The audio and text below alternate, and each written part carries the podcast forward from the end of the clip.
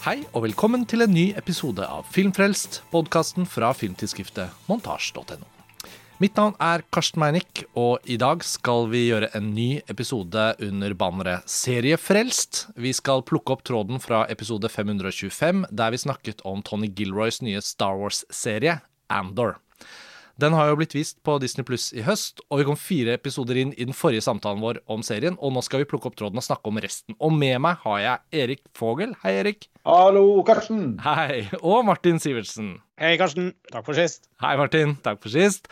Uh, vi ble enige om å bare hoppe på en måte rett i det, da. Uh, jeg regner jo med at lytterne som har vært nysgjerrige på hva vi tenker om Andor, allerede har hørt uh, den forrige episoden vi lagde.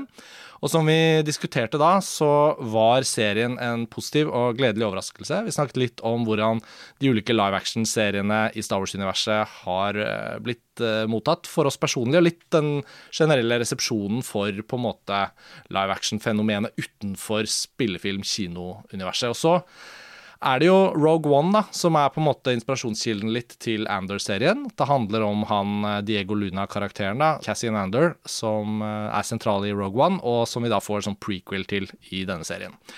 Og um, nå har vi jo sett ferdig serien. Den ligger i sin helhet ute på Disney Pluss for de som er nysgjerrig. Så vi kan jo egentlig bare hoppe litt inn i det. Erik, altså etter den gode følelsen vi hadde sist, og ut fra hva du trodde skulle skje videre, hvordan syns du serien ble, sånn grovt sett? For det første så overraska den meg jo gjennom å være faktisk relativt sånn uforutsigbar. Mm. Det er ikke den der følelsen man har av enkelte seere, at man kan sitte og bare Ja, ja, så skal det skje, og så skal den karakteren snu og bli sånn, og så skal det bli sånn. Mm. Så, men den, den liksom, jeg syns den var gjennom å være liksom fortsatt godt fortalt, også videre ut i sesongen, så syns jeg den det var jo på en måte varsla på forhånd at den kom til å ha liksom flere sånne litt større bolker. Det, vi har jo en, en, et lite knippe eh, episoder i en fengselsinstitusjon ja. Uh, som vi kommer til. Og så, det, så, bygger det opp til mot slutten mot uh, For nå spoiler vi bare, ikke sant? Ja. Uh, så bygger det opp til at uh, adoptivmammaen til um, Andor dør på planeten Ferrix. Mm. Og så orkestreres da på en måte en slags sånn sesongfinale på den uh, planeten når hun skal begraves, og da samles veldig mange av karakterene som tidligere har vi har fulgt i hver sine løp. da. Men til tross for at det på en måte det kun kjennes som at at uh, når jeg gjenforteller det sånn, så høres det ganske sånn forutsigbart ut, kanskje, men, men jeg syns ikke den har vært det. Jeg synes den, har, den blir liksom dypere og dypere. Jeg syns også f.eks. karakteren til Stellan Skarsgård får i siste halvdel av sesongen noen skikkelig grundige monologer om opprørets natur og hans egen moralske kamp med seg sjøl, som han egentlig har allerede gitt opp i forhold til det å slåss mot imperiet, men selv egentlig være minst like hensynsløs som dem. Mm. Eh, og kontrasten med hans karakter og den karakteren som heter Mon Mothma, som er, jobber politisk og diskré, og som som er på en måte en mer sånn samvittighetsfull eh, lederskikkelse, som vi møter igjen da i, i Rogue One og i originale trilogien. Og hun er jo Altså Hvis Andor er serien om uh, opprørets uh, begynnelse, så er jo også faktisk Det slo meg først i dag. At uh, Mon Mothma er jo den som også er med helt til Return of the Jedi, når den siste dødsstjerna sprenger. Mm. Det går an å liksom se Andor i den sammenhengen. om og om liksom eh, den, den manglende førsteakta da, som, eh, til, eh, til, opprørsbevegelsen i Star Wars-universet. Så jeg syns jo den fungerer veldig veldig fint som en rolle i en større helhet, men også som en selvstendig uh, serie da, med karakterer med dybde og som vi er interessert i. Så jeg syns det har vært en meget vellykka sesong. Ja, jeg må jo bare si meg veldig enig. Det var jo så mye mer den hadde å by på. Jeg følte jo at uh, Vi kom jo litt inn på det i forrige episode, at uh, i løpet av de første to, tre, fire episodene så føler man jo litt at nesten en hel film er fortalt, fordi den har litt sånn uh, den dramatiske kurven, og når man skjønner at Cassian faktisk blir rekruttert, og han er i gang der på Aldania, sånn, så er det jo liksom en veldig sånn sterk følelse av at universet også åpner seg opp for nye premiss. da.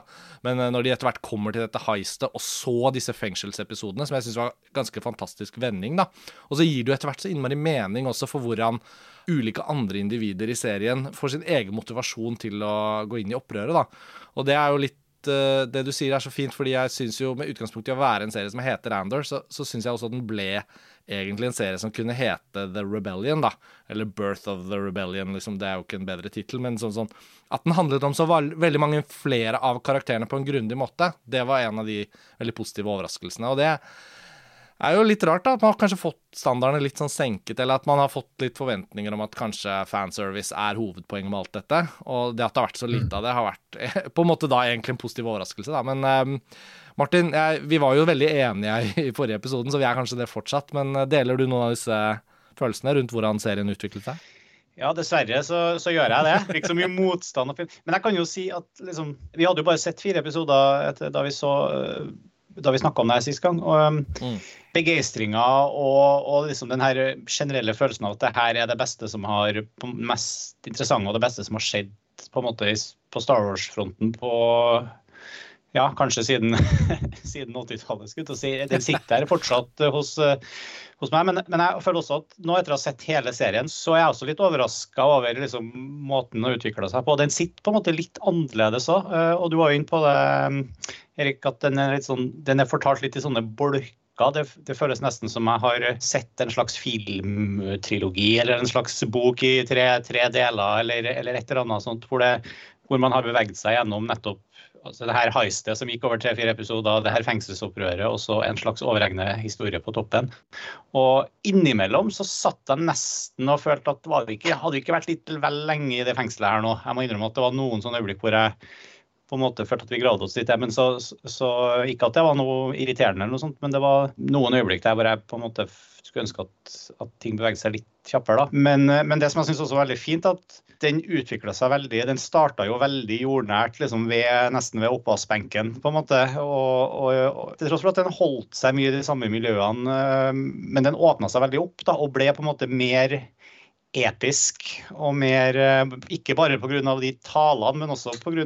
miljøene og litt de her settpissene som åpna seg opp. og også, men selvfølgelig også de, de, de store øh, monologene på slutten. Men, men der den på en måte ikke der jeg syns liksom serien har klart å holde en slags sånn styrke gjennom hele. At den har på en måte ikke hatt den herre personifiserte ondskapen. Da. Den herre keiseren-figuren eller Darth Vader-figuren. Mm. Eller, eller, den har på en måte fortalt den her historien om, om, ondskapen som vokser fram i, i uh, imperiet mer på sånn systemisk nivå. liksom det her maskineriet som er det som, Det er masse enkeltmennesker, men, det, men det, du har liksom ikke den superkarikerte Um, ja, det er mulig at det er fanservice som er ordet, da, men, eh, men du, du, har liksom ikke de tegneseriefigurene i serien.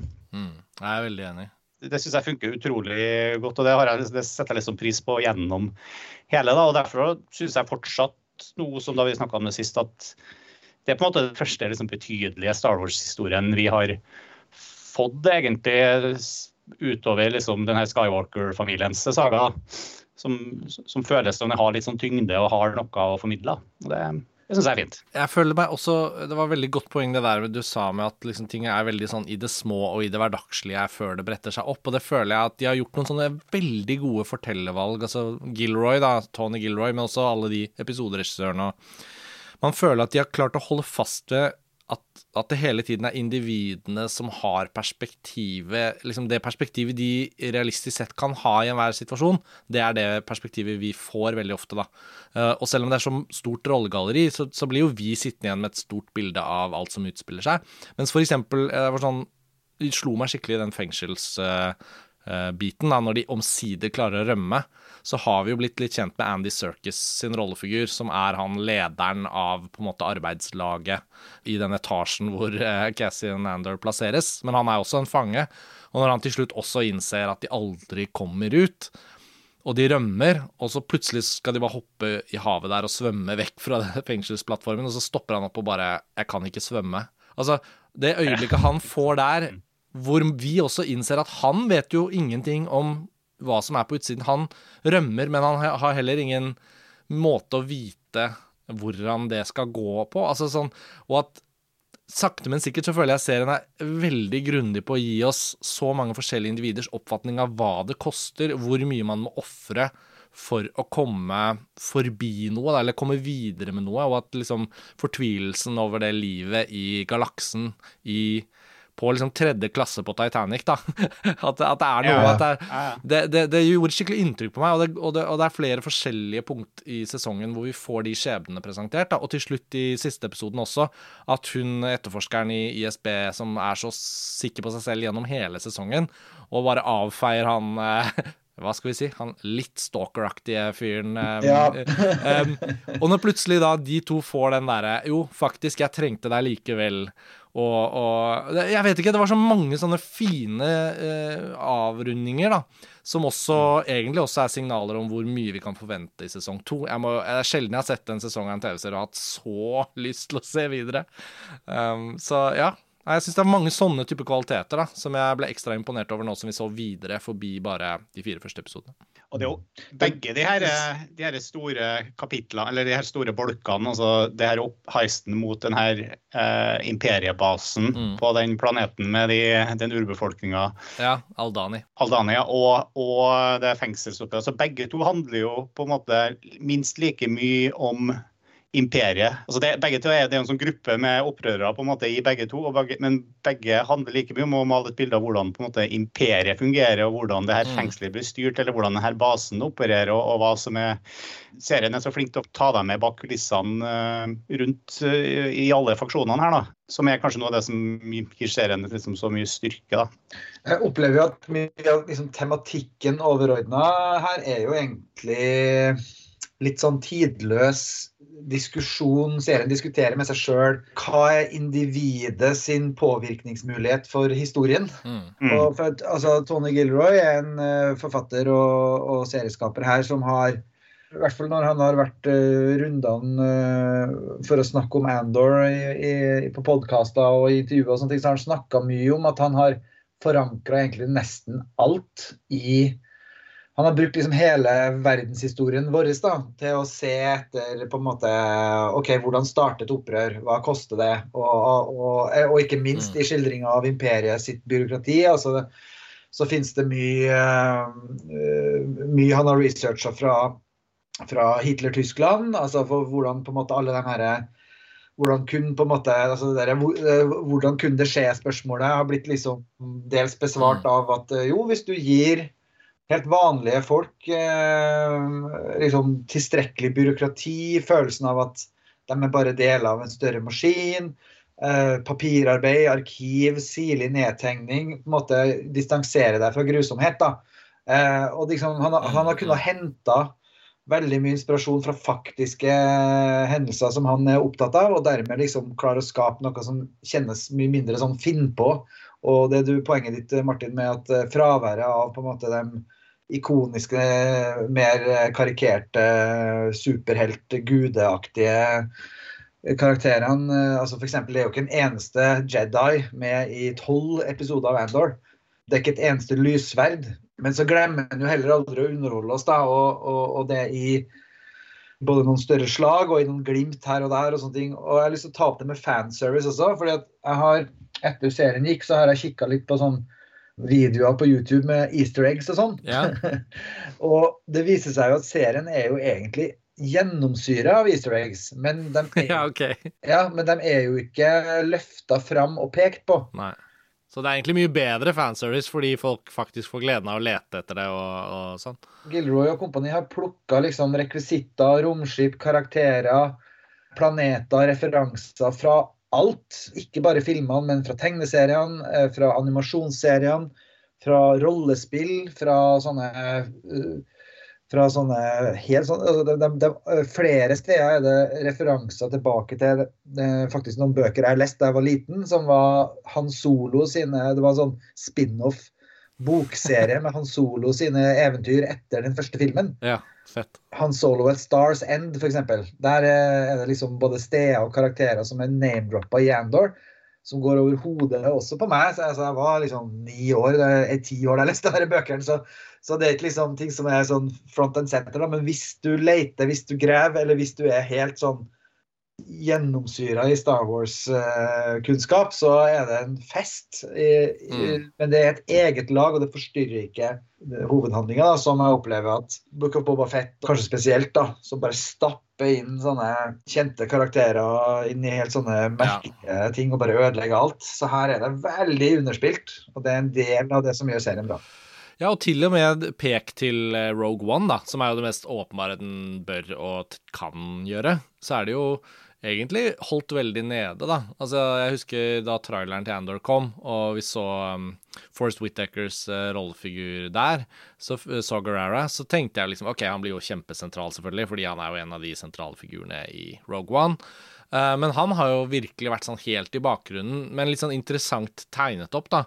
Kanskje han kommer mer i sesong to, hva vet jeg. Men så er det jo han Melshi som sitter i fengselet, mm. som er en av de som er med å rømme.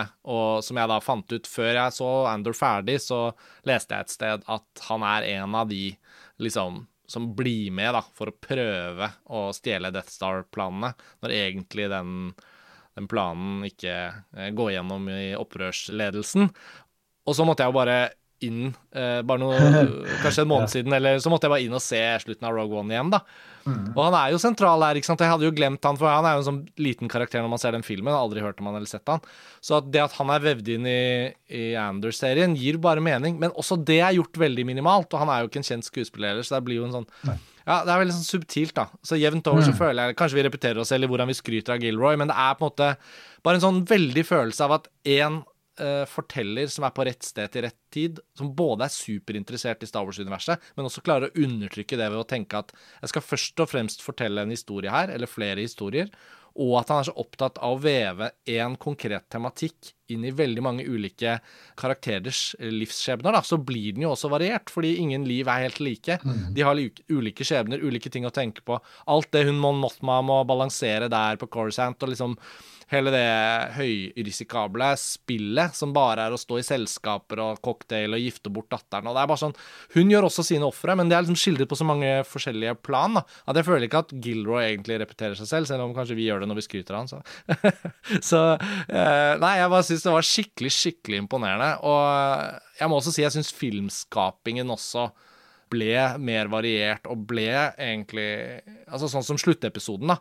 Hvordan den er orkestrert med bruken av musikk, og hvordan den bygger opp spenning. Jeg bare syns det var sånn skikkelig så, Og, og episoderegissørene er jo som regel ganske ukjente. Så det er jo ikke sånn mm. at, uh, at det er noen spesifikke autører som kommer inn og liksom gjør greia si her. Så nei, Nei, men de er TV-veteraner, TV mange av dem. Jeg så hun Susanna White, for eksempel. Hun har gjort masse bra TV-ting. Mm. Uh, han Toby Haines, som har gjort mange av de fengselsepisodene, han hadde jeg mm. aldri hørt om før. Men de er jo skrevet av han Bo Williman, som skrev og var serieskap for House of Cards.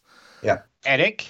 Jo. Jeg har lyst til å spørre, for Det var, det var én scene her som jeg følte skilte seg litt ut i forhold til alt vi har snakka om eh, etter at de har rømt fra fengselet. Ja så eh, ender jo eh, Andor og hans med medrømning, skulle jeg si mm. Det er han Melshi. For første gang egentlig i eh, hele serien, og eneste gang egentlig, så er det en slags scene med, med aliens i mer sånn gammel, gammeldagse gummikostymer. Um, og den, den stikker seg litt ut, den scenen der, men er det i forhold til fanservice og og, eller, og easter eggs. Og jeg, jeg, vet ikke nok om uh, mytologien her til å, til å liksom plassere viktigheten av den scenen eller sette den i kontekst. Mm. For det, var, det virka litt sånn på en måte litt velkomment. Å ja, vi er fortsatt i Star Wars med, med aliens og sånt. Men, uh, mm. men, jeg visste ikke helt hva jeg skulle få ut av den scenen. Nei, jeg tror at uh, Så vidt jeg har skjønt, så er de to karakterene er ikke karakterer som man skal ha liksom nødvendigvis noe forhold til. Men så har jeg faktisk Gjennom å kikke på noen greier som en forberedelse til denne podkasten, så ble det forklart at, ja. at den ene alien-rasen der har dukka opp som et av medlemmene i uh, Saw Gerrera sin gjeng i Rogue One. Det er liksom en, eneste gangen vi har sett den typen uh, liksom alien. Uh, men ellers er de ukjent. Men det som er liksom, det er jo faktisk fanservice, eller ikke fanservice, men det er en liten referanse der til The Force Awakens. Fordi det, det romskipet de låner, eller får, får stikke av med, er det samme som Ray og Finn prøver å stikke av fra mm. Jakku med, men som blir sprengt.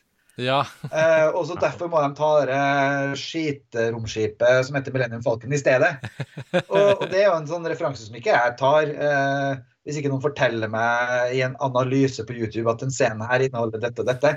Eh, så, det, så, så, så innser jeg, jeg, jeg ikke i det. Men jeg tenker at scenen i seg sjøl er interessant, fordi den prøver seg jo. Den prøver å stikke av med skipet, den blir stoppa. Prøver å lure de her fiskefolkene som jo klager over at imperiet og de her fengselsfabrikkene har liksom ødelagt hele økosystemet på planeten deres. Men likevel så får dem hjelp. Og det er en sånn barmhjertig samaritan-topp, mm. egentlig.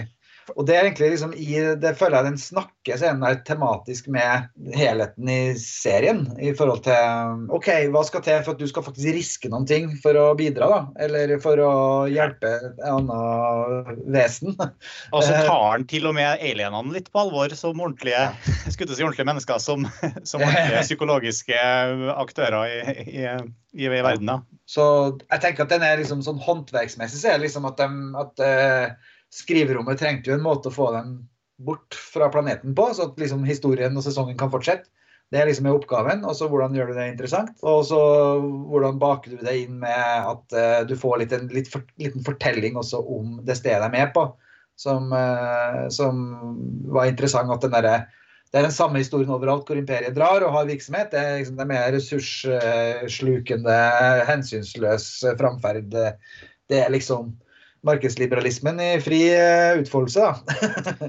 We are the empire. Mm. Eller på en måte koloniherreframferd, da. Og så blir det jo en liten uh, Så er det jo en uh, påskeegg helt til slutt der, da. Hvor vi får se at alt det de har bygget i det fengselet, er bestanddeler som faktisk skal monteres inn i at de bygger en Death Star.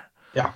På etter rulleteksten der. Og det er jo det eneste stedet hvor de gjør en litt sånn overtydelig sånn ha-ha. Men det er jo også litt interessant i forhold til Cassian Anders' historie, da. At uh, det individet opplever, vet man nødvendigvis ikke helheten i.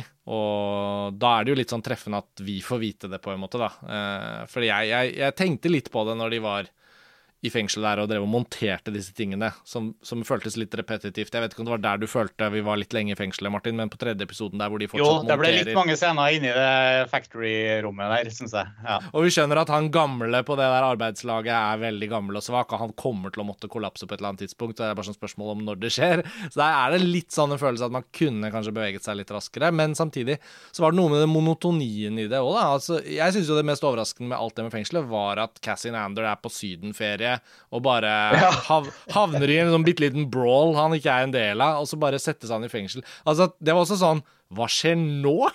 Mm. det hadde jeg virkelig ikke forventet. Og så er det jo liksom flere episoder som bare handler om at han sitter da i fengsel på ubestemt tid, liksom. Mm. Og så skjønner man selvfølgelig meningen med det, men det var jo noe med at det de da drev og monterte der, ble jeg aldri helt sånn klar over at jeg kunne analysert til å tenke større rundt. da. Nei. Så også det påskeegget til slutt der var litt sånn Å ja, selvfølgelig. Ah, morsomt. Ironien der er jo at uh, Cassian Andor har vært med å bygge det som skal Altså indirekte drepe ham, da. Mm. Så man skal dø i å prøve å rive ned igjen i Rogue One. Og så, Jeg husker jeg tenkte da han ble tatt på den uh, Granca-planeten Uh, eller som kanskje var, litt, var, litt, mer dekadent, da. Ja, Det var litt sånn Rivieraen, kanskje. Franske ja, Rivieraen. For da hadde han gjort et poeng ut av at han hadde en, eh, en eh, koffert med sin cut av Eller med lønna si fra den Aldani-heisten. Mm. Det hadde han jo lagt oppå liksom dusjen, ikke sant? ja. Så, så på det ganske flotte hotellrommet. Ja, så husk at jeg tenkte at ah, nå, nå kommer en eller annen sånn vaskepersonale til å bli styrtrik. ja. eh, eller noe sånt. Men så var jo det en callback etter eh, fengselsepisodene, at han faktisk reiser tilbake til å hente den. Ja. Eh, den var oppå der enda. Han lurer seg inn i rommet og, og henter ned kofferten sin. Og gir halvparten til Melchie, eller hva det var, og så skilles de eh, når han får vite at eh, adoptivmor Marva er død. Ja, nei, altså det, det, Og det ledet veldig fint til denne begravelsen på Ferrix til slutt. da, og Jeg syns det også var litt kult at det var der de For jeg hadde hele tiden en følelse at nå kommer det til å vokse seg stort, ikke sant? sånn som man tenker med Star Wars, at nå blir det sånne episke, storslagne greier. Uh, men at de, ikke engang ting er begynt å bli avslørt på Coruscant engang, da, når sesongen er over. Det syns jeg også var litt sånn dristig. litt sånn mm -hmm. Det har faktisk bare vært ulmende spenning for, for Mon Mothma sin del, men også litt for for Luthen, da, at uh, selv om Stellan Skarsgårds karakter faktisk drar dit til slutt, som kanskje var litt sånn 'dette må skje', fordi uh, ellers så blir det ikke den korrekte oppsummeringen, så får vi den sluttscenen som er så sterk, hvor, hvor uh, Cassie Nando bare sånn 'OK, men jeg, jeg, er med. Liksom, hva som helst. Liksom, kom igjen. Uh, drep meg hvis ikke du vil ha meg', liksom. de gjør seg veldig fortjent til det, men, men jeg syns jo Stellan Skarsgårds karakter var jo faktisk en av de som ikke umiddelbart etter det vi så sist, eller etter samtalen vår sist, Mm -hmm. Så syns jeg ikke det var Jeg følte meg episode for episode helt sånn på vippen med Kommer de til å klare å dra han i land i dette? For han har jo ja. i lange partier ikke så mye å gjøre, eller han har liksom ikke en så sentral plass i dramaet. Men så kom den derre muldvarpbiten.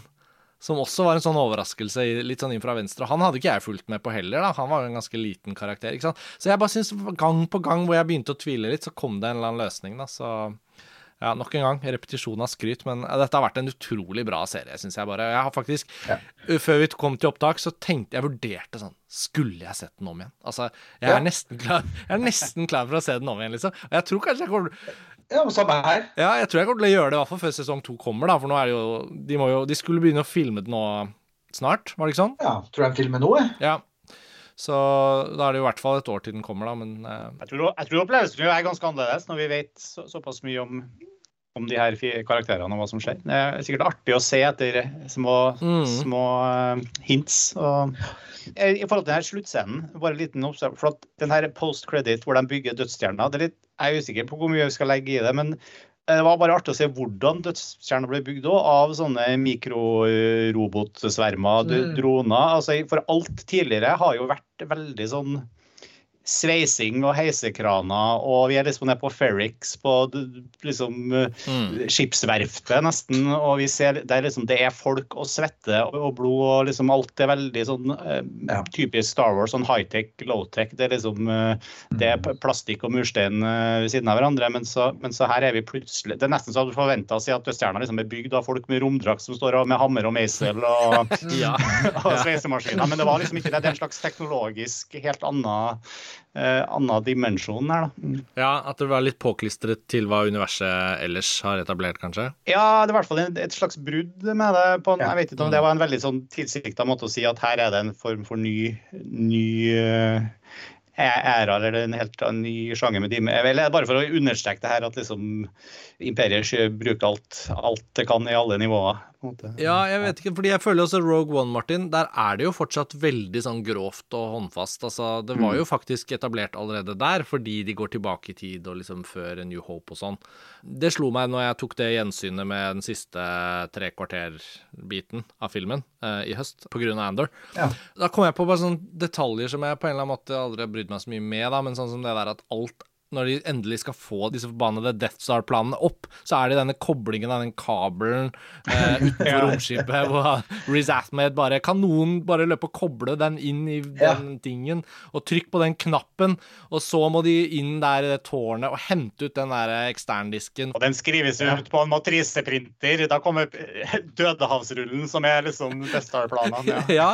så hvis liksom selve Death Star bygges av noen sånn super high-tech roboter, så er det jo en liten Men det er jo en bitte det er jo så liten ting da, at jeg syns ikke det er eh, så stort. Men, men, ja, de har jo holdt fast i det analoge hele veien. Men det, det har jo vært den sentrale design, eh, production design-messige utfordringa til både Rogue One og Andor, er jo mm. å, å, lage det som eh, en direkte linje til A New Hope, som ble filma i 1977, liksom. Eh, med datidens eh, skjermer og, og, konsepsjon av data og IT, og med kabler og Altså, jeg syns de har liksom gått den veldig vanskelige, gjort en veldig vanskelig jobb, men veldig bra. Og så kan jeg være enig i at det bikker litt akkurat det at det blir en sånn ren CG-fest uh, eh, akkurat der. Ja, Men som sagt, det er jo ikke helt en scene engang, så jeg Nei. føler liksom at jeg, jeg, lar dem slippe unna med det. Og så tror jeg tra Dramatisk noe de sikkert bestilt fra et helt annet studio på tampen og bare ja, ikke sant. for det ikke trengt noe liveopptak eller noen ting. Nei, ikke sant. Og jeg tror den, den uh, Det tror jeg har skjedd her. Og så tror jeg også at sånn ultra Star Wars-nerder vil nok rynke litt på nesa på den post credit-scenen. Fordi jeg tror det er et kontinuitetsbrudd mellom episode tre, 'Revenge of the Sith', ja. og det her. fordi at i 'Revenge of the Sith' på slutten så Den slutter også med at dødsstjerna begynner å bli bygd. ok. Jeg tror jeg vi allerede der ser det derre liksom kanonen eh, monteres.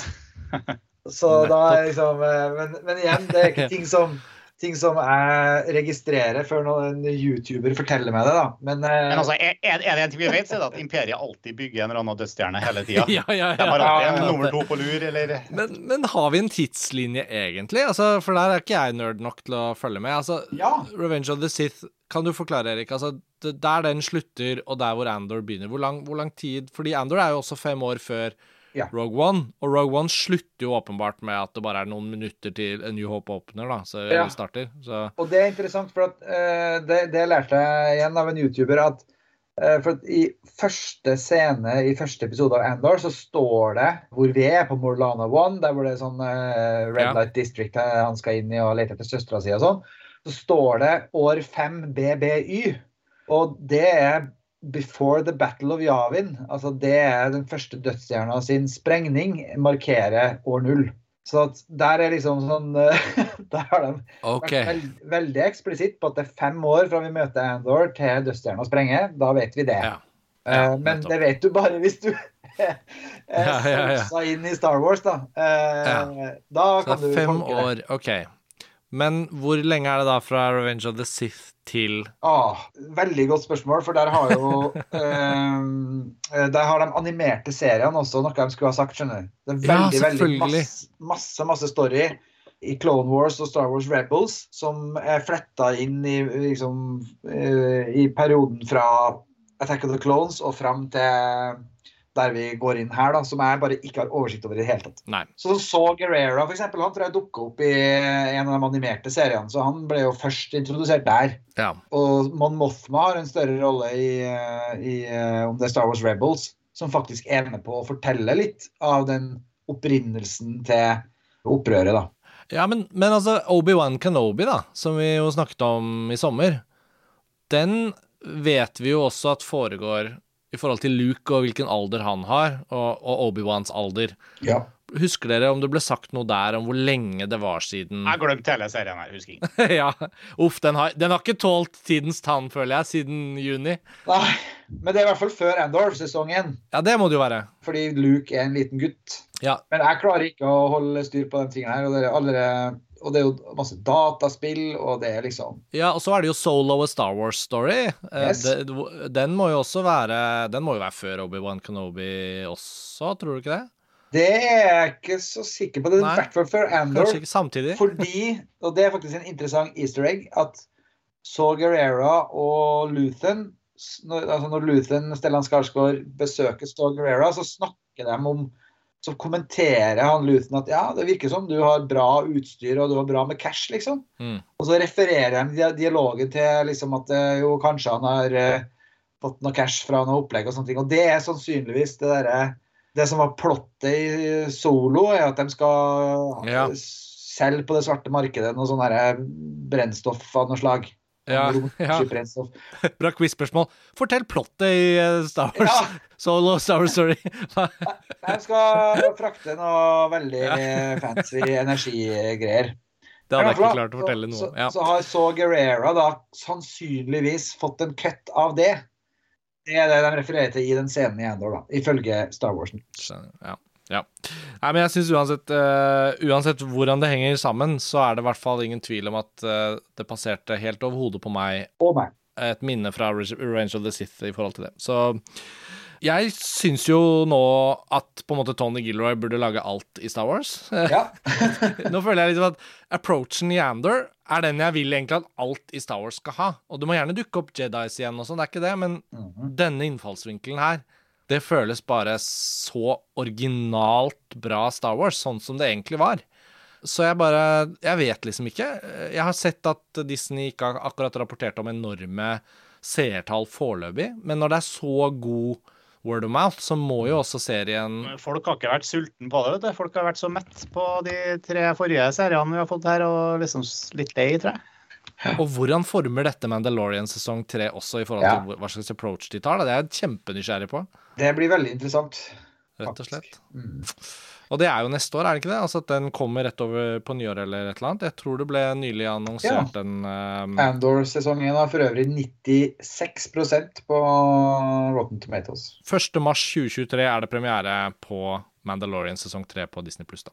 Ikke sant? Men det er jo antageligvis veldig mye av det samme kunstneriske teamet som, som gjør det, så jeg regner med da er de tilbake, liksom, for å skyte det på den måten de gjorde det rent teknisk, da. Og der er jo også Andor veldig annerledes, som vi snakket om i den forrige episoden. Yep. Jeg trenger ikke gå inn på alt det igjen, men liksom hele approachen til å bruke locations og bruke fysiske sett og alt det der, har jo åpenbart vært veldig heldig her, da. Jeg, jeg syns jo det også er med på å gjøre mye av den kvaliteten vi har satt ord på med karakterene, og hvordan vi opplever dem i det universet de er i og sånn. Så jeg tror ikke de hadde vært i nærheten av å få det resultatet hvis de hadde brukt den mer kunstige approachen. Da. Så det blir, det blir veldig spennende, egentlig. Og jeg, jeg heldigvis, hvis jeg var jo litt positiv til Obi-Wan Kenobi i den episoden, og dere var begge ganske skeptiske. Men eh, hvis den skepsisen nå er blitt snudd til litt sånn optimisme igjen for deres del, så må jeg jo innrømme at eh, ja, det har hatt den samme effekten på meg, da. Og som sagt, Obi-Wan Kenobi føler jeg jo ikke helt at har tolv tidens stand siden juni. Så da, så, så da er det jo liksom hvis, hvis,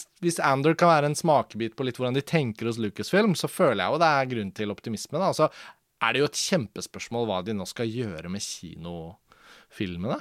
Ja, det har vært stille lenge nå. Ja, for nå har det jo vi, vi var jo så vidt inne på det, og hva var siste vi hørte og sånn, men, men nå føler jeg litt at så lenge man ikke gjør noen ting, så er det jo som om, som om det er på år null, da. At de Ja. kan egentlig Nå kan de litt gå i hvilken retning de vil.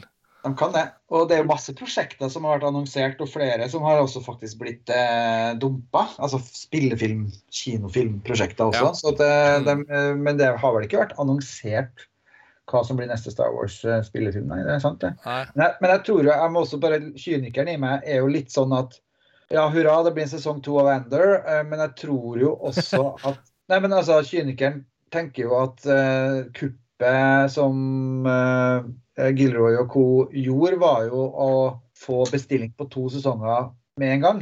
For det her var bestemt som 24 episoder fra Mm, start. mm. Og så det at den på en måte ikke når opp altså, og det der har sammenheng med fanservice-nivået også. ikke sant? Du får ikke den umiddelbare bussen på nettet for en serie som underspiller mye mer, eh, og som er mye mer sofistikert enn eh, Book of Boba Fett og Obi-Wan Kenobi. Eh, og også litt til dels hva Mandalorian ble til i sesong to. Så den, den, den Altså, dem som sitter eh, på, på finansavdelinga hos Disney, tenk, sitter nok nå og gremmes over at de bestilte en sesong to, sier ky- kynikeren i meg. Eh, Fordi det at det er bra, er ikke, er ikke så viktig, så lenge det snakkes om å bli sett. Hvis du skjønner. Og her har jo kvaliteten vunnet fram. Eh, og jeg tenker liksom litt at uh, det var bra det ble bestilt to sesonger før Netflix krasja, før HBO måtte stenge Ja. eh, masse ja. virksomhet i sommer. Ja, ja. For uh, liksom alle de, Mm. liksom, de store krakkene som har skjedd i strømmeverdenen siden. da. Jeg tenker at en sesong to ville ikke nødvendigvis ha blitt bestilt hvis ikke det var fordi den ble kuppa fra starten. Er det riktig tenkt, da? Men det her vet du, eller noen som vet, du kan mulig du vet det, Erik, men er det Jeg vil anta at det er Mandalorian som er den mest sette og mest eh, skulle si, Ja. innbringende av alt, eh, alle de seriene her. Jeg vil anta det- det. det, det lanserte jo hele Disney Pluss Mm. strømmetjenesten og gjorde en kjempejobb med det. Så, Og har aller mest eh, med merchandise knytta til seg, ikke minst. Ja, absolutt. Sikkert av lisens. ja, eh. selger nok ikke så mye merchandise på Andor. Nei, jeg vet ikke om det fins noe merchandise på Andor. Nei, det må jo finnes noen actionfigurer, det kan vi vel anta, men uh, jeg vet ikke hvor mange Mon Mothmas de selger, liksom. Nei, det er det. Så- Men uh, vi kan i hvert fall glede oss over at uansett hvordan Disney leser dette matematisk og økonomisk, så er det jo fantastisk, som du sier, Erik, at de nå bare lager sesong to. Og så blir det Så kan jo de bare holde fast ved det kunstneriske konseptet, fordi innen de er ferdig med sesong to, så har de jo også nådd fram til Rogue One, antageligvis, og da er denne historien fortalt. Men det den, kan, det den også kan være med å gjøre, forhåpentligvis, er jo at noen av de som sitter hos Lucasfilm og Disney, som faktisk bryr seg om å lage bra ting, og det er det jo åpenbart noen av, ellers hadde de jo ikke laget såpass mye bra. Tross alt så er jo mesteparten ganske bra. Og vi ser det, og vi er fornøyde, og vi gleder oss over denne underholdningen i hverdagen vår, liksom. og da Jeg bare elsker tanken på at andre serieskapere som skal gjøre noe i Star Wars, eller filmskapere for den saks skyld, som skal lage kinofilmer, kan peke på Andor og si men se hvor utrolig bra det der ble. Og se hva de gjorde. Det syns jeg er skikkelig bra. Jeg tenker George Lucas, da, der han sitter, må jo være veldig stolt og fornøyd over uh, hva dette ble. Uh, ja. Så det er oppmuntrende. Og så bare en sånn liten spekulasjon, da. James Gunn er jo nå ansvarlig på DC i Warner Discovery. Og han Det ser ut til at Wonder Woman 3 ikke skal bli noe av. Mm. Og da kan man jo spørre seg om Patty Jenkins, som hadde jo en Star Wars-film så hvis hun plutselig nå ikke skal lage Wonder Woman 3, så kan det jo hende at det sånn, sånn scheduling-messig at det plutselig er rom for henne til å lage en Star Wars-film eller noe. Men jeg, jeg, tror faktisk kanskje den er faktisk droppa, altså. Uh, men, at den er kanskje det, ja. ja. At den faktisk ble ble på en måte At det ble kjent at den, det prosjektet ble stoppa. Men ja, som du sier, ja. Eh, det at det ikke blir noe mer Wonder Woman, kan jo gjøre at det blir revurdert. Ja, fordi jeg kan også se for meg at Hollywood kan være så teit som at uh, Patty Jenkins sier sånn Ja, men jeg skal lage Wonder Woman 3, så jeg kan, jeg kan være med på Star Wars i 2026, liksom. Ja. Og så plutselig nå så sier hun Nei, vent litt, forresten, nå har jeg litt tid. altså, noen ganger så snur det så fort, da. Men uh, ja, vi får se. OK, men Ander, åpenbart, hvis vi har lyttere nå som har hørt hele denne episoden også, og som ennå ikke har sett Ander, det ja. tviler jeg kanskje litt på, men skulle det være noen der ute, så må dere jo bare for all del se denne serien. Eh, for meg personlig må jeg jo jeg må jo innrømme at dette er den beste nye serien jeg har sett da, i 2022.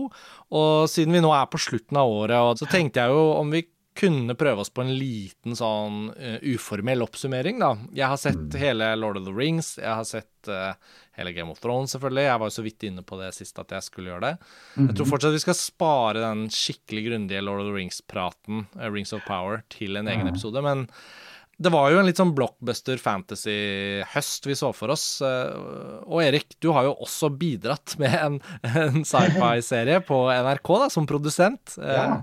Så eh, for å spørre deg, da, hvordan, ved siden av det å slippe din egen serie i denne sjangergrupperingen, hvordan syns du mm. høsten har blitt sånn seriemessig? Høsten har vært Jeg vil jo si at året har vært usedvanlig sterkt. For at jeg kikka faktisk litt igjennom om hva som har gått i år. Og det er mye fra første halvdel av året som eh, ja, Herregud, det var jo Better Call Saul, og det var jo eh, ja, Nå kommer jeg ikke på en eneste en, selvfølgelig, når jeg tenker meg om, men, men, men altså, det, har vært, det har vært et veldig gullår. Og, og, og høsten har, har, vært eh, for meg som eh, publikummer med som alle, tilgang til alt det beste for hele verden rett hjem i stua, så har det vært fest, altså. Det må jeg si. Severance eh, kom også i vår, tror jeg. Det var også en, eh, en veldig mm. serie. Men sånn som i høst, da. Jeg fulgte jo både um, House of the Dragon og, og, Lord of the Rings, Rings of Power, og syns at de, uh, de var, Det var ganske, ganske, gøy å følge, for de, de begge to er mm. fantasy, men veldig ulike mm. smaker av fantasy. Og veldig, veldig Hadde sine oppturer og nedturer, men de var begge solide, syns jeg. Altså en del andre gamle favoritter som har hatt sterke sesonger. Eh, Handmaid's Tale, f.eks. Eh, sin nye sesong som kom i høst. Det var knallsterk. Eh, ok, Spennende. Ja, den så jeg bare den første sesongen av, så da vet jeg ikke helt hvordan plottet utviklet seg. Da, men jeg har jo hatt inntrykk av at det har hatt en ganske sånn bra fanbase hele veien. Ja, og det, det er solide saker, altså. Men det er litt sånn mørkt. Så det er sånn alltid man må gjøre når man ser Handmaid's Tale, at man For da mister man trua på menneskeheten, og så må man se liksom det var fint at da gikk f.eks. den nye sesongen av What We Do In The Shadows, eh, vampyrkomedien på HBO Max, den gikk samtidig. Kunne man liksom ta en liten 20 minutter med vampyrkollektivet på, på Staten Island. Jeg leste at HBO Max også har økonomiske årsaker nå etter Warner Bros. Discovery-mergingen. At uh, de skal nå ta av masse serier fra HBO for å spare det derre uh, kostnaden for å betale ut residuals sånn. Yep, at yep. hele Westworld f.eks. nå bare tas av strømme det er dramatisk. Fysisk format er fortsatt selvfølgelig tilgjengelig, så det går an å kjøpe det på Blu-ray. Men Netflix og sånn har jo ikke gitt ut ting på fysisk format i særlig grad. Men HBO gjør det fortsatt, da. Ja. Og så vil jeg også trekke fram fra i høst en serie som veldig mange snakker om, og som på en måte jeg ser begynner å ende opp på toppen av ganske mange sånne Best of 2022-lister. Det er uh, The Bear, uh, som uh, er en ja. serie som foregår i en italiensk sandwich-sjappe i Chicago. Og handler om en uh, utbrent mesterkokk som tar over den. Og det høres utrolig sånn banalt og rett fram ut, men herregud for en vitalitet i den serien. Og, for, og det er liksom den serien samla elleveåringen i huset og meg og kjæresten. altså Den satt alle her og så okay, sammen. Uh, den kan ikke anbefales sterkt nok. Uh, The Bear. Ja. Nå har jeg hørt det før, og nå hører jeg det fra deg. Jeg, skal, jeg, jeg skjønner at jeg, som er litt selektiv, skal se Ja, den. den skal du se. Har du også sett den, Martin? Ja, den har jeg sett. Den, eh, Ja. Jeg vet ikke om jeg Ja, jeg syns den var bra. Um, kan bare det, det er lov, det. Men jeg likte også Jeg minner meg litt om eh, på noen måter så jeg fikk jeg noen sånn flashbacks til Tremay, som jeg også likte veldig Ja. godt. Den hadde en ganske sånn eh, veldig driv og energi og Ja. Nei, eh, ikke noe negativt å si om den. Uh, du nevner Tremay, som er David Simon. Han hadde jo også en ny serie i høst. Eh, We Own the City. Den har jeg også sett. Eh, Den handla jo om, eh, politi, om politiet. We, own- we Own This si. City. Ja, Den har jeg ikke hørt om engang. Ja, nei, Den er også veldig severdig å gå rett liksom i strupen på rasisme og korrupsjon og, og politibrutalitet og, og mye av det som på en måte har vært på dagsordenen i, i USA. Mm. Mye. Og Hva har vært høydepunktene for deg da, Martin? Er det Ja, jeg kan jo Er det det opplagte? Jeg har jo sett noen ting som på en måte Jeg har sett det som alle har sett. Jeg har ikke så fryktelig mye interessant å si om Rings of Power og House of Dragon. eh, Nei. Fordi jeg syns Jeg vet ikke, jeg ble, det har ikke satt noen sånn dype spor i meg. Jeg syns det var litt eh, både kult og litt opp og, opp og ned.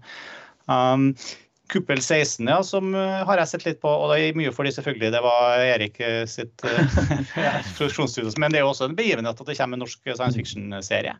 Um, og det som um, jeg også satt Jeg har bare sett en håndfull episoder her, men um, det er en veldig det er en science fiction-serie som på en måte eh, handler om, eh, om en fremtid etter skulle si etter og i en klimakrise, hvor eh, liksom menneskehetene har, eh, har på en måte endt opp med en, en del som bor inni en privilegert elitedel som bor inni sånne kupler og har egentlig alt de trenger og har eh, fått forlenga livstida si og, og, og på en måte leve da litt på bekostning av resten av menneskeheten som bor utafor i et slags sånn tribalsamfunn. Og det er en utrolig kul setting. Men jeg synes også det er så mye altså Det er jo en, er en slags ungdomsserie. Det handler om pubertet og oppvekst og sånne ting. Men i den settinga er det, det er så mye som all science, god science fiction gjør, at det er så mye gode problemstillinger og så mye ting som tas opp. Den er ganske filosofisk. den har liksom, De herre som bor i de kuplene, er jo da så privilegert at de har masse tid til å drive liksom, intellektuell og åndelig utvikling og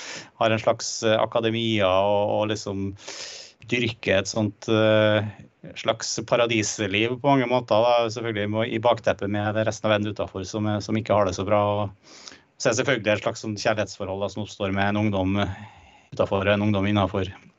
Men jeg, jeg skal ikke si så mye om det, for jeg har ikke sett noe av det. Men jeg syns det var et veldig kult premiss, og den virka veldig smart skrevet. Og, og, og mange scener der så hadde jeg sett som jeg satte veldig pris på. Så bra. Mm. Jeg, har sett, eh, jeg har sett første episoden og fikk veldig lyst til å se mer. Og syns også at uh, worldbuilding-premisset da var veldig effektivt og veldig på en måte Mm. Det åpnet veldig opp da, med en gang. Bra karakterer, bra produksjonsdesign. Man blir jo så stolt, syns jeg. Nå, det jo, nå begynner man jo å bli vant med at det lages bra ting i Norge, så det er jo eh, Og Erik, begge vi har jo en fot i Altså, yeah. man vet jo og har sett det og har vært med på det på mange måter i noen prosjekter, men det er likevel også fett å bare erkjenne for seg selv at nå er det jo ikke noe overraskende lenger. Nå er det jo faktisk bare sånn at man ser det og tenker det er dødsbra, og det er norsk, og det er kult å tenke på. Og det er norskspråklig på den måten òg. Altså, det lages jo en del eh, Altså, norske filmskapere er jo ute og gjør ting i verden, og gjør episoder av store serier og alt det der, så det er jo også fett. Eh, men det er litt gøy med det som lages hjemme her, da. Så Ja, kjempe... Og så jeg vet ikke hvordan re responsen har vært eh, til nå, men for de som er nysgjerrige, i hvert fall. Kuppel 16 er jo på NRK TV, og dere har akkurat sluppet den siste episoden. Yes, det er ti episoder som er sånn eh, 20 par og 20 minutter hver. og Ja. jeg vil jo si responsen har vært god. Og så er det også det en eh, Hva skal jeg si? Det er jo en sjeldenhet at det lages eh, sci-fi. Og det, Mm. jeg tror liksom det er mange som fortsatt har til gode å oppdage at den fins. Ja. men uh, vi tenker at det, det er helt fint. Den kan få lov til å, å, å, å bli oppdaga. Og, hatt det, og det har liksom vært en uh, utfordrende ting å gjøre. fordi litt sånn som jeg litt sånn til felles med an, å jobbe med animasjonsproduksjoner, så er det sånn at i en animasjonsproduksjon så må du finne på alt. Det er ingenting som finnes fra før. Og sånn har det vært litt også, selv om det her er en live action-serie. Så er det liksom det med at OK, vi skal være i en stue eh, 120 år frem i tid, da må du begynne å tenke gjennom hva er det plausibelt at finnes i en stue om 120 år? Hva er det som eh, og, altså, det, altså, man, man, kan liksom virkelig forbryne seg på litt av de samme problemstillingene som de har hatt på Andor, egentlig. at, mm. at, hvis du skal faktisk prøve å ta det på alvor, da, hvordan er en hverdag i, eh, i en gitt, på en helt, for Andor sin del på en helt annen planet, i en helt annen forutsetning? Hvordan funker jobben til dem som henter ut ting fra gamle romskip i Andor? Eh, hvordan fungerer media i, om 100 år? Altså det, man, man, liksom det, er både gøy og, og vanskelig å, å, lage masse sånne spådommer, også, også, på det sosiale. Da. Og Det har liksom Cooper Stason vært opptatt av. at Vi syns jo det fins veldig mye interessant altså Sci-fi handler jo om vår tid i veldig stor grad. Eh, Uh, litt sånn som ikke sant, uh, ut, virkelig uten sammenligning for øvrig, våre serie og Andor. Altså, liksom, uh, Andor snakker jo om fascisme, snakker jo om hva som gjør at totalitære regimer lykkes. Hva, hva, det koster å slåss imot. Den tar opp en del ting som har resonans hos oss som ikke bor på Ferrix eller på Coruscant, men som mm. bor på planeten Jorda. og sånn er det litt med Cooper Stason nå. At det, at det er jo den Altså, men vi syns det er ganske lite sci-fi som faktisk tenker på det ja, Du nevnte det filosofiske, men også det, det hverdagslige og det, og det, sosiologiske og det psykologiske. Altså, ingen av karakterene våre vet at de bor i framtida. Altså, de, de, de, sitter ikke liksom og wower over den teknologien de omgis med og sånne ting. Og, og da er det også liksom serien sin jobb å prøve å liksom putte kameraet inn i en tenkt framtid, og vi spår masse ting som helt sikkert vil bli feil, men har prøvd å, å på en måte ta det menneskelige litt på alvor. da. Og så er det veldig gjenkjennelige ting som skjer der, som ja. man kan Vi på en måte deler av verden bor i en slags kuppel her i dag òg, ikke sant? På, på samme måte. Altså, Metaforen er jo for ikke å slå folk eh, deng folk over hodet med metaforen, så er jo Vi bor jo i kuppelen, gutta. Det er akkurat det. Eh, det er det vi gjør her oppe i det høye nord med oljepengene og der har dere den! Ja. Thomas Seberg Torjussen laga jo også denne Zombie-Lars-serien. Og det, det, ser man, det føler jeg når jeg ser det her, at det, den har jeg jo sett sammen med ungene mine. Den er på mange måter mer voksen, på en måte mer, mm. mer større på alle mulige måter. og, og sånt. Men, men, det er veldig tydelig. Det er mye av den samme stemninga på mange måter. Enn du, Karsten? Har du noen favorites? Ja, altså Jeg er jo så kjedelig at jeg, jeg har jo sett uh, langt færre uh, serier enn dere. Så jeg må jo spare uh, kruttet til årsoppsummeringen av filmåret 2022. Um, men jeg har jo tenkt en del på hvor, det, hvor, man skal gjøre av alle strømmefilmene da, som man ser unektelig, men som mm. aldri blir en del av kinofilmsamtalen, og som ofte går litt sånn under radaren til liksom generelle samtalen i filmkulturen som montasje selvfølgelig deltar veldig aktivt i, og, og, og mm. sånn, fordi vi forholder oss til kinopremieredatoer og prøver liksom å Men det har jo vært et um, egentlig et veldig spennende år for strømmefilmen, da. Mm. Og det har jo vært en del debatter i Norge om alle de norske strømmefilmene, uh, hvis de skal liksom anerkjennes, uh, så kan de ikke bli nominert til Amandaprisen, for den er forbeholdt kinofilmen, osv. Så, mm. så uh, all, alle samtalene vi har hatt i årevis nå om skillelinjen mellom serie og film, handler jo nå også veldig mye om plattformskillelinjer. da. Så når vi har seriefrelst og snakker om serier, så er det jo lett differensierbart fordi vi snakker om episodiske fortellinger, selvfølgelig. Men jeg mm. tenker jo en del på at um, det er en del ting jeg ser som jeg holder tritt med, men som liksom går litt mellom, mellom noen stoler, da. Som kanskje jeg aldri helt får snakket om i noen særlig grad. Uh, men jeg tror ikke jeg skal begynne på det nå, men jeg tenker en del på det, da. Jo, men jeg tror det, fordi da hvis man begynner litt, så har man Kom med én, da. Ja, altså så dere noen gang den nye filmen til Soderberg som gikk rett på um, HBO Max? Ja, Kimi? den sa jeg. Den, den, som handla om hun, ja. hun hackeren, skal du si. Ja. ja den var Og som hadde som jobb å, å forbedre kundeservicen til en sånn uh, uh, AI-høyttaler som du kan snakke til, sånn Siri-lignende teknologi. Og hun hadde som jobb å Hver gang noen hadde rapportert inn at noe var blitt uh, tolket feil av, uh, av AI-en, så hadde hun som jobb å gå inn og høre på det originale lydopptaket og høre etter hvorfor de ikke skjønte referansen, ikke sant. Uh, uh, hun mente egentlig et band, så derfor skjønte ikke AI-en det, fordi det er et ord som kan bety to forskjellige ting, og så mennesker skjønner referansen. Og så plutselig hører hun et lydopptak, uh, litt sånn som Rare Window til Hitchcock, da, når han ser inn i naboleiligheten. Så hører hun et lydopptak hvor hun hører at noen blir overfalt og antageligvis drept. Og så begynner hun å lure på hvordan kan jeg gjøre noe med dette. Men så har hun også sosial angst, så hun vil helst ikke gå ut av leiligheten sin. Jeg vet ikke, Du har ikke sett den, Erik? Nei, ikke sett den. Nei. Men jeg har hørt om den. Det er veldig bra. Jeg, jeg husker at den var, det var veldig kul, veldig tøft fortalt. og Veldig sånn stil. Ja, i sånn Soderbergsk uh... Mm. Ja, og det er fortsatt en av de bedre filmene fra 2022 eh, i Ja. min bok. Men den er jo rett på HBO Max, og jeg gruer meg til den dagen det kommer en nyhet om at den trekkes fra HBO Max fordi de skal spare penger, ikke sant. Ja. Um, um, men det er jo en film, så den, den har ikke noe på seriefrelst å gjøre, egentlig. Men- fordi jeg av mangel på kule serier å trekke fram som jeg har sett, som ikke er de vi allerede har snakket om, så tenkte jeg kanskje den um, Den kommer i hvert fall til å returnere til samtalen i oppsummeringen av året, da. Og jeg tror at man må lage et litt ordentlig kapittel om strømmefilmåret 2022, hvor Ja. det er utrolig mye som lages og som slippes, men som ikke engang markedsføres i det hele tatt. Uh, I Norge så får vi jo selvfølgelig med oss de norske titlene.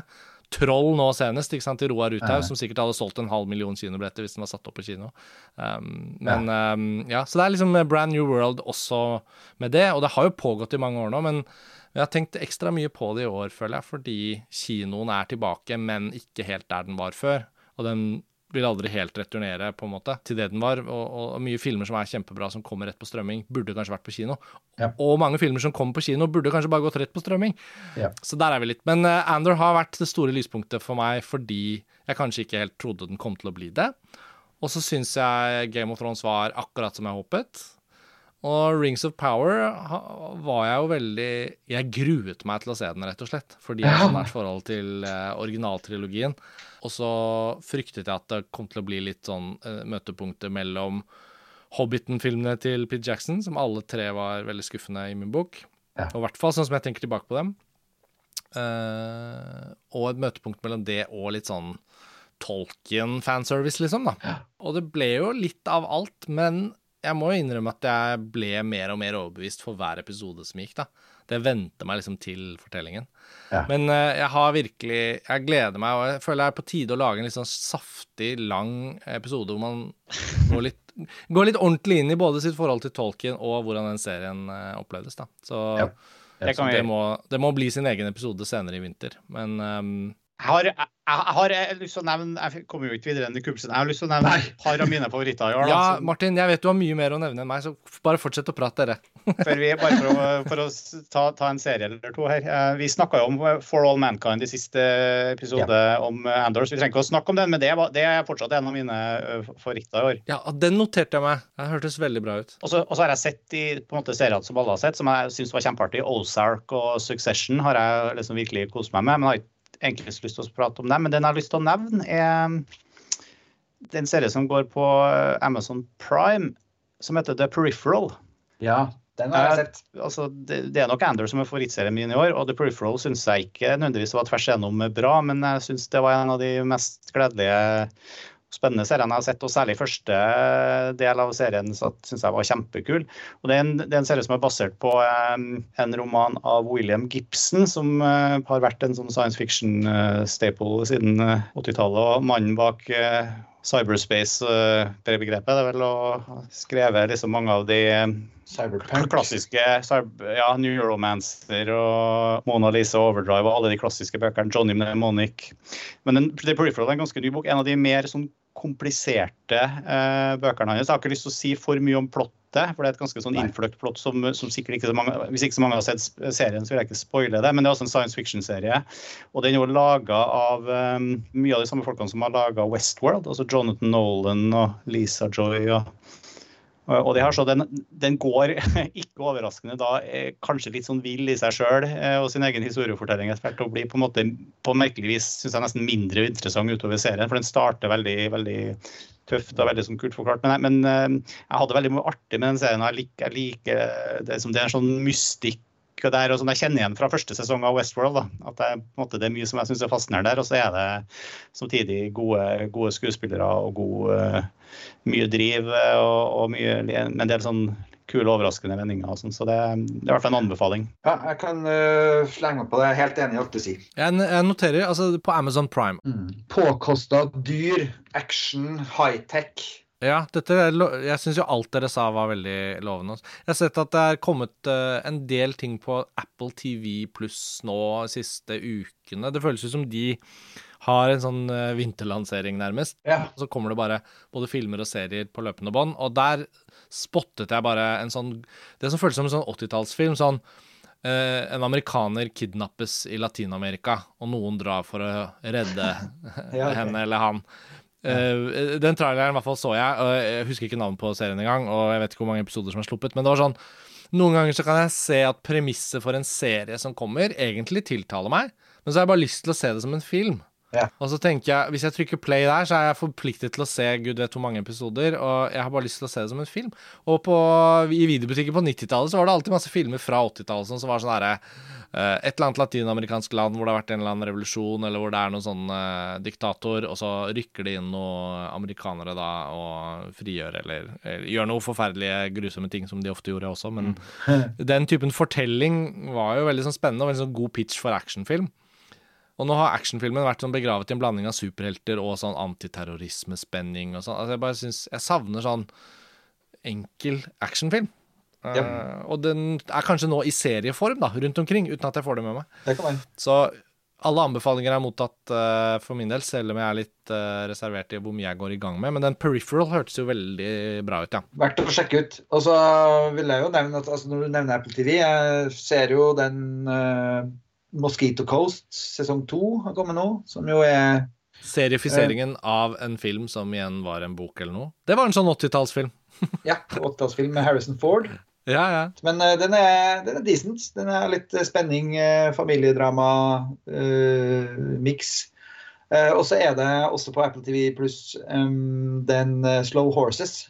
Det er en sterk anbefaling.